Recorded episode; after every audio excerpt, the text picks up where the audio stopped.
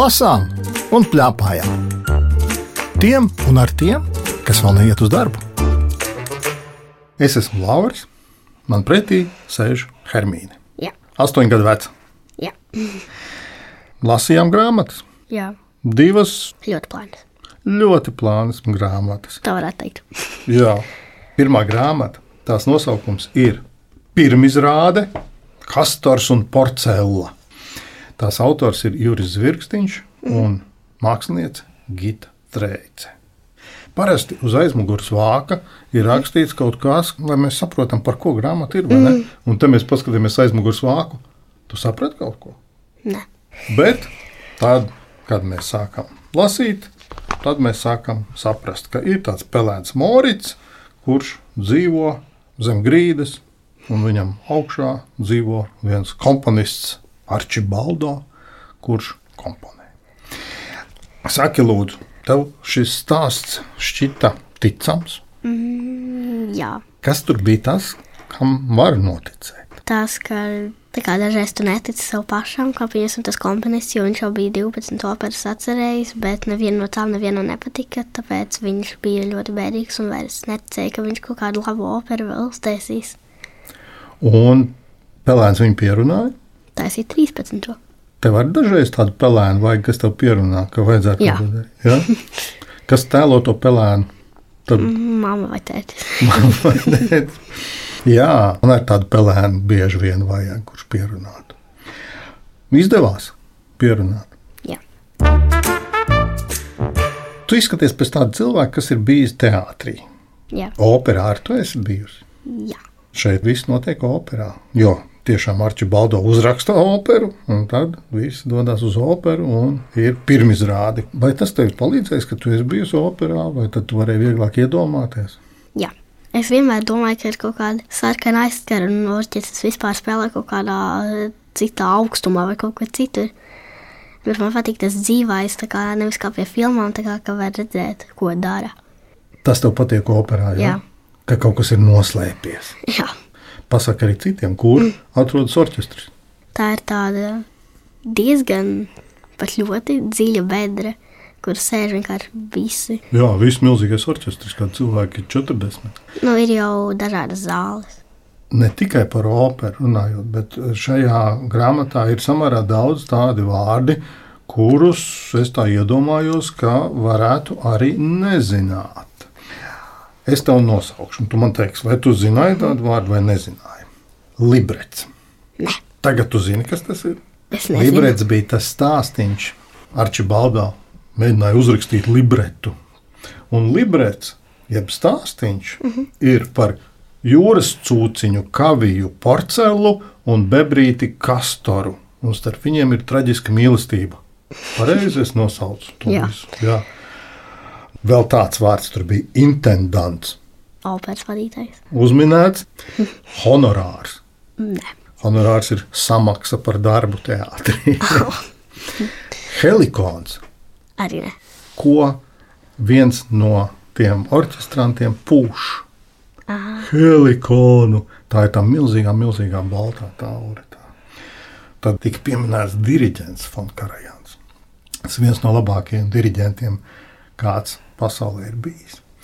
Un pašā sākumā ir pieminēts Figaro šurp, Figaro turp. Vai tu zini, par ko ir runa? Tā ir ļoti populāra opera, kurā ir šī ārija. Figaro turp, Figaro šurp. Bet atgriezīsimies atpakaļ pie mūsu stāsta par jūras cūciņu, kaviju, porcelu un bebrīti kastaru. Kā tev šķita šis stāsts? Vai tev tur kaut kas nemulsināja?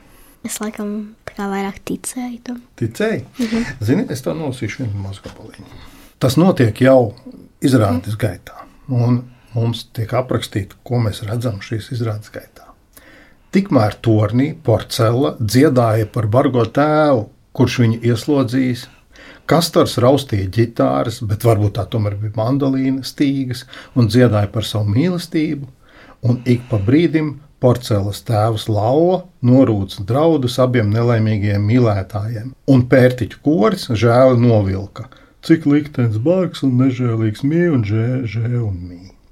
Vai tā kaut kas jocīgs te nešķita? Jā, drusciņi. Es nezinu Kā? tieši kas, bet drusciņi likās tā. Nu, jā. Bet tu atceries, kas ir kavija porcelāna? Viņa ir jūras sūciņa. Un kas ir viņas tēvs? Lauva. Kā tas ir iespējams? Tad jau viņas mammai ir jābūt kāmim. Vai ne? Māma kāms, tētis lauva un iznāk jūras sūciņa. Hmm. Vai arī kaut kāds mikslis no kāmja un nāriņas. Nāriņas. Un viss opera notiek basēnā. Arī varētu būt interesanti. Vai tik Vienīgais- dīvainas darbības piestāv operai? Jā. Kur gabaliņu tu mums nolasītu? Laikam to, kur Pelēns mēģināja uzmundrināt to Arčibaldo kungu, lai viņš Nolas. var jābūt, ka Mārcis mazliet kļūdījās, taču komponists viņam piekrita. No skāpīša tika izvilkts gabaliņš, sakaltuša siera un pāris apelējušas maizes garodiņas. Vakariņot viņa apsprieda 13. operas libretu. Par libretu, kā Māricam paskaidroja komponists, kur pašu sauca par Arčibaldo kungu. Dēvē operas vai operetes saturu izklāstu. Viņi strādāja caurām dienām un naktīm, kad maize un sirds bija apēsti, opera bija gatava. Visa grīda bija noklāta nošu lapām. Operas nosaukums bija Kastors un Porcēla, un tajā bija stāstīts par jūras cūciņas, kavijas, porcēlas un bebrīša kastora traģisko mīlestību. Māricam šķita, ka opera ir lieliska. Un tad, kad viņi aiziet uz operu, tad ir pirmizrādē. Tas ir pats pirmais vārds šīs grāmatas nosaukumā. Tu esi bijis kādā pirmizrādē? Esmu bijis tik daudzās māmas izrādēs, ka es jau vairs nezinu. Vai tā bija pirmizrāde vai nē? Ja?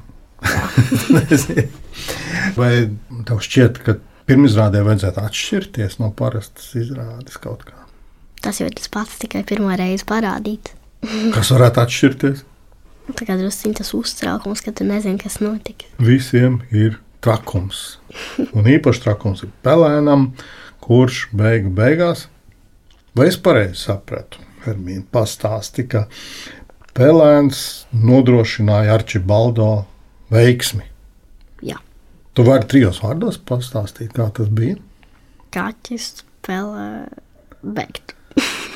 Kaķis spēlē bēgt. Jā, trijos vārdos. Interesanti, ko tagad mūsu radio klausītāji, kā viņi saprot. Kaķis spēlē bēgt. Jā, Hermīna trijos vārdos izstāsties, viņai pilnīgi piekrītu. Un pēc šiem trim vārdiem opera kļuva ļoti veiksmīga. Sākās panika, un visi bija ļoti uzvilkti, un viss bija ļoti pa īstam, jo kaķis spēlē bēgt ir tiešām īstais kods šīs operas veiksmei. Un visi apkārt pēc tam stāstīja, cik tā opera ir forša. Es varu maz gabaliņu no tās vietas nolasīt. Eh, Kāpēc es šo gabaliņu lasu? Tāpēc, ka, kā jau opera, viņai jābūt skanošai. Kā tev šķiet, operā galvenais ir, ko tu redzi, vai to, ko tu dzirdi? To, ko tu dzirdi, laikam, jo, pieņemsim, normālās izrādēs, tu jau visu redzi, tur jau neko nedzirdi baigi. Tas nav tik svarīgi, ja, ko tu dzirdi. Normālās, normālā teātrī. Man te jāpiekrīt, opera var klausīties arī tikai mūziku. Hmm. Mm -hmm. Un tāpēc šeit ir aprakstīta mūzika. Bet Morits to nemanīja. Turpinādams bēgt, viņš uzlēca uz klavierēm, taustiņa zem viņa kājām plinkšķēja. Klāk, klāk, klāk, klāk, klāk, klāk. Tad vēl viens lēciens, piezemēšanās uz bungām un dopš, bums. Bundznieks bruka pelēnam virsū, vālēdams ar bungu valītēm. Bum, bum, bum, bum. Vairīdamies Morits lēca un nokļuva uz vīlas lociņa. Vairāk neprātīgi braucieni ar lociņu šurp turp, tad lociņš tik strauji pamests gaisā. Un pelēns sapinās kontrabasā. Lai izkļūtu brīvībā, viņš raustīja instrumentu stīgu, strīņš, strīņš, trāngš. Beidzot tās padevās, Morits atbrīvojās, bet tur viņa jau gaidīja milzu taures, helikona, par ko mēs runājām, milzīgā rīkle. No kontrabasa bēg uz helikonu krīt. Tā ir aprakstīts viss tas kods, ko Hermīna teica, kaķis spēlē bēgt. Kā tev patīk bildes grāmatā? Ļoti interesanti. Kas tur bija tāds? Es vienkārši nevaru iedomāties, kā tik realistiski un labi var zīmēt. Tu pati zīmē? Ne tik labi. Kas tev vislabāk patika? Kas tev ir uzzīmēts? mm, Pelēns Morits, laikam. Viņš izskatās tā, it kā viņš tik, tikko būtu nožaus, it kā viņš būtu uz lapas, ko tu turētu rokās. Viņš ir tā kā, Es pat teiktu, viņš ir dzīves. jā. Jā, tiešām bildes ir ļoti, ļoti. Pajautāsim, ko mamma domā par kastoru un porcelānu. Patika. Man patika tas mazais pelēns vislabāk. Un Man patīk tajā brīdī, kad viņš sabijās no kaķa, un tad viņš izlēma tur sākt savu skrējienu. Patika visas tās nebēdnības. Jā, tieši tā kaut kāda dzīvība parādījās tajā brīdī, un tad arī skatītāji atdzīvojās. Es, kā es sapratu, lasot. Tā, kad es lasīju, tad es jutos kā tas pelēns, vairāk viņam pieslējos. Hermīna, tur bija pelēns. Es jutos vairāk kā tas, kurš atcerēja. Tas, tas Arčibaldo. Arčibaldo. Jā, tā, ka vienkārši viss nesanāk, viss ir slikts. Tā kā jūs esat tāds pārīts, kurš var izspēlēt mājās šo stāstu. Jā,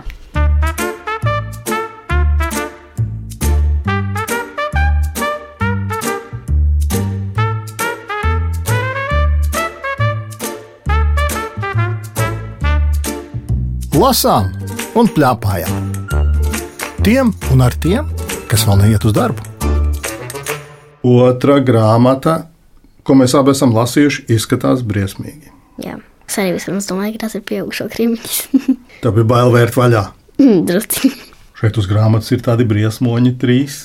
Nesaprotam pat, vai vilks, vai kas, vai zaķis. Nē, zaķis arī tas nav. Vidējais vairāk izskatās pēc sapļukuša kartupeļa. Apjucis kartupelis, jā, vidējais ir. Un, un šīs grāmatas nosaukums ir Sazvērestības teorija. Šīs grāmatas autori ir Solvita Denisa Liepniece un Marina Heniņa ir ilustrējusi šīs trakās bildes, to kartupeli un to, to vispārējo. Es izlasīšu, kas rakstīts uz aizmugures vāka, lai mēs varam saprast, par ko mēs runājam. Mm -hmm. Jo no tā, ko mēs laikam raksturojam, kas ir uzzīmēts, diez vai pareizi varēja saprast. Mežā lielas briesmas, zaķim esot uzbrucis neredzēts briesmonis, un visi zvēri nu ir neziņā, ko darīt. Tikai drosmīgais ezis uzdrīkstas meklēt patiesību. Tikmēr baumas tikai aug un aug un aug, un tad tur stāv divi tādi arī briesmīgi pārbijušies dzīvnieki, kuri saka, tas ir beigas. Viņiem vai pasakai? Nē, viņiem. Vai tu vari trijos vārdos pateikt, par ko ir šī grāmata? Šoreiz laikam nesanāks trīs vārdas. Par dzīvniekiem, kuriem bija bail no kāda, kurš beigās izrādījās dardu krūms. Vai tu zināji vārdu savienojumu sazvērestības teoriju pirms tu sāki lasīt šo? Es zināju, bet es nezināju tieši, ko tas nozīmē. Jā, Es joprojām nesaprotu, ko tas nozīmē. Jā, tiešām var būt, ka līdz galam šo salikumu mēs nu, nevaram tā pateikt, bet mēs varam pateikt, par ko ir grāmata. Par to, ka kaut kāds mazs notikums, tā kā sniega lavīna sāk gāzties, un sākās baumas, baumas, baumas, baumas, baumas kamēr viss ir pārbijušies līdz nemaņai. Un visiem liekas, ka tās baumas ir taisnība, nevis tas, kas ir patiesībā noticis. Bet nolasīs kādu gabaliņu. Es uzreiz saku, šī grāmata ir pantos. Es nolasīju savu mīļāko lapas pusi. Mīļāko lapas pusi. Tā mīļākā lapas puse ir uz beigām. Jā. Es nolasīšu sākumu un tu pie beigām. Visiem skaidrs uzdevums. Jāsaprot, kas uzbruk mums. Pēles iepīkstējās klusi, izskatās uz kāķa pusi. Labs vārtos bija skarba, te viss ož pēc vilka darba. Ja nāc brēca cauri un cauri, tas izskatās pēc dinozaura. Zeltis minēja par ēnām, kas slīdējušas pāri lēnām, varbūt vanaks, varbūt ērglis vai kāds tālo zemju mērglis, varbūt šakālis vai dingo. Jā, patiesi, droši, bingo. Un atkal briesmīgs zīmējums. Kāds ir tavs gabaliņš? Briesmu stāsts nu būtu galā. Ja ne otrā meža malā, kur bez brīkšķiem nav nekā, ne taciņas, ne piecigā, kur atstatus no lieliem bariem, zem kadiķiem un egļu zariem, mīt gudrākie no zvēru cilts, kam bija par šo ne augsts, ne silts un briesmīgs zīmējums. Tev kādreiz ir tā gadījies, ka tu arī baidies no tā, kas patiesībā pasaulē nav. Jā, naktī dažreiz bailes tagad pamāju, tāpēc, ka domā, ka kāds līdz sagrābs un aizvilks prom. Aha, un to kādu jau tu pilnīgi redzi, vai ne? Jā. Kā tu tiec galā? Mm, es ļoti baidos un gultā ļoti ilgi domāju, vai man piecelties vai nē. Un beigās ar tā kā galvā, ka šī radījuma nav. Mm -hmm. Grāmata ir viss par to, ka mēs laikam vairāk iedomājamies nekā ir. Vai tu pamanīji vienu īpatnību tajos zīmējumos? Mēs visu laiku ar tevi sakām, ka atkal briesmīgs, atkal briesmonis. Tie briesmoņi ļoti labi sazīmēti. Un mm. tad tur viena lapa atšķirās ļoti. Es praktiski sabijos no šīs lapas, tāpēc, ka pēkšņi viss palika krāsains. Jā, jau pirms tam visi tie briesmoņi ir melnbalti, un te pēkšņi. Un tad tu drīksti nolasīt, kas tur bija rakstīts. Ak, tas bija pārpratums. Zvērus pārņēma sašutums. Bailēm lielas acis bija. Zaķa bērnu sabaidīja. Velta briesmonis ir pelds. Zaķis tika dažu dzelts. Jā, dadas tikai un vienīgi. Un izrādās tā īstā dzīve ir forša, smuka, krāsaina. Es gribētu laikam vēl nolasīt vienu mazu gabaliņu no šīs grāmatas. Zaķis domīgs galvu šūpo, atcerieties, monstru lūko, beigās nomurmina klusi, gulēja uz otru pusi, briesmonis no krūmiem lēca nepamanīja par plecu, ar pārējiem vēl grūtāk iet, fakti kopā nesaiet, zvēri mūst un uztraucas, viens uz otru atsaucas. Tālāk ir interesanta vieta, kur ir pa klusajiem telefoniem. Tu esi spēlējis kādreiz klusos telefonos? Jā. Kas tur notiek tajos klusos telefonos? Kāds pasaka vārdu, un to vārdu vienmēr saka uz priekšu, un beigās tas pasaka to vārdu. Un, ja klausītāji bija uzmanīgi, tad beigās ir tas pats vārds, bet, ja ir ļoti slikti, tad beigās ir kaut kas pilnīgi cits. Nu, kāda ir tava pieredze? Ir bijis tā, ka ir pilnīgi kaut kas cits. Jā, pilnīgi pat ar citu sākumu burtu. Nu, laikam šī grāmata ir tieši tāpat uzbūvēta. Ka pasaka kaut kādu vienu lietu, un beig, beigās iznāk kaut kas pavisam cits, un cilvēki ir panikā. Kā tev šķiet, kam šo grāmatu vajadzētu lasīt? Noteikti nekā pasakiņu bērnu dārzniekam ar labu nakti, bet uh, es nezinu, kam to vajadzēs lasīt. Vecākiem. Vecākiem. Pajautāsim tavai mammai, ko viņa saka. Tā man arī patīk, bet es nenojautu, es nesapratu. Nu, līdz tai vietai, kad es lasīju, es domāju, nu, kaut kādam briesmonim ir jābūt, ka kaut kas tas būs, bet ka tie būs daži. Tik tālu es nevarēju iedomāties. Jūs domājat, ka kaut kāds tēls tur ir, kas visiem ir ienaidnieks. Bet es noticēju, ka tur ir tās briesmas līdz tiem dažiem. Es domāju, ka tas man tā kā apveda ap stūri. Un tas bija vērtīgi tev kā lasīt? Jā, man bija vērtīgi tas.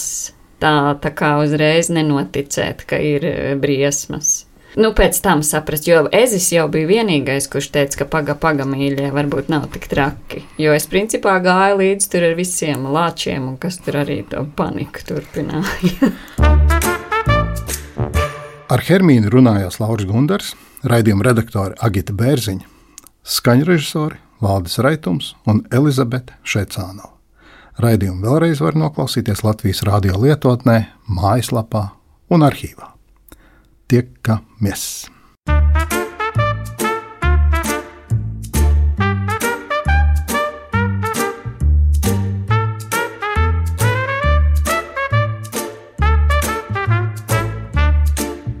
Lasām un plēpājām.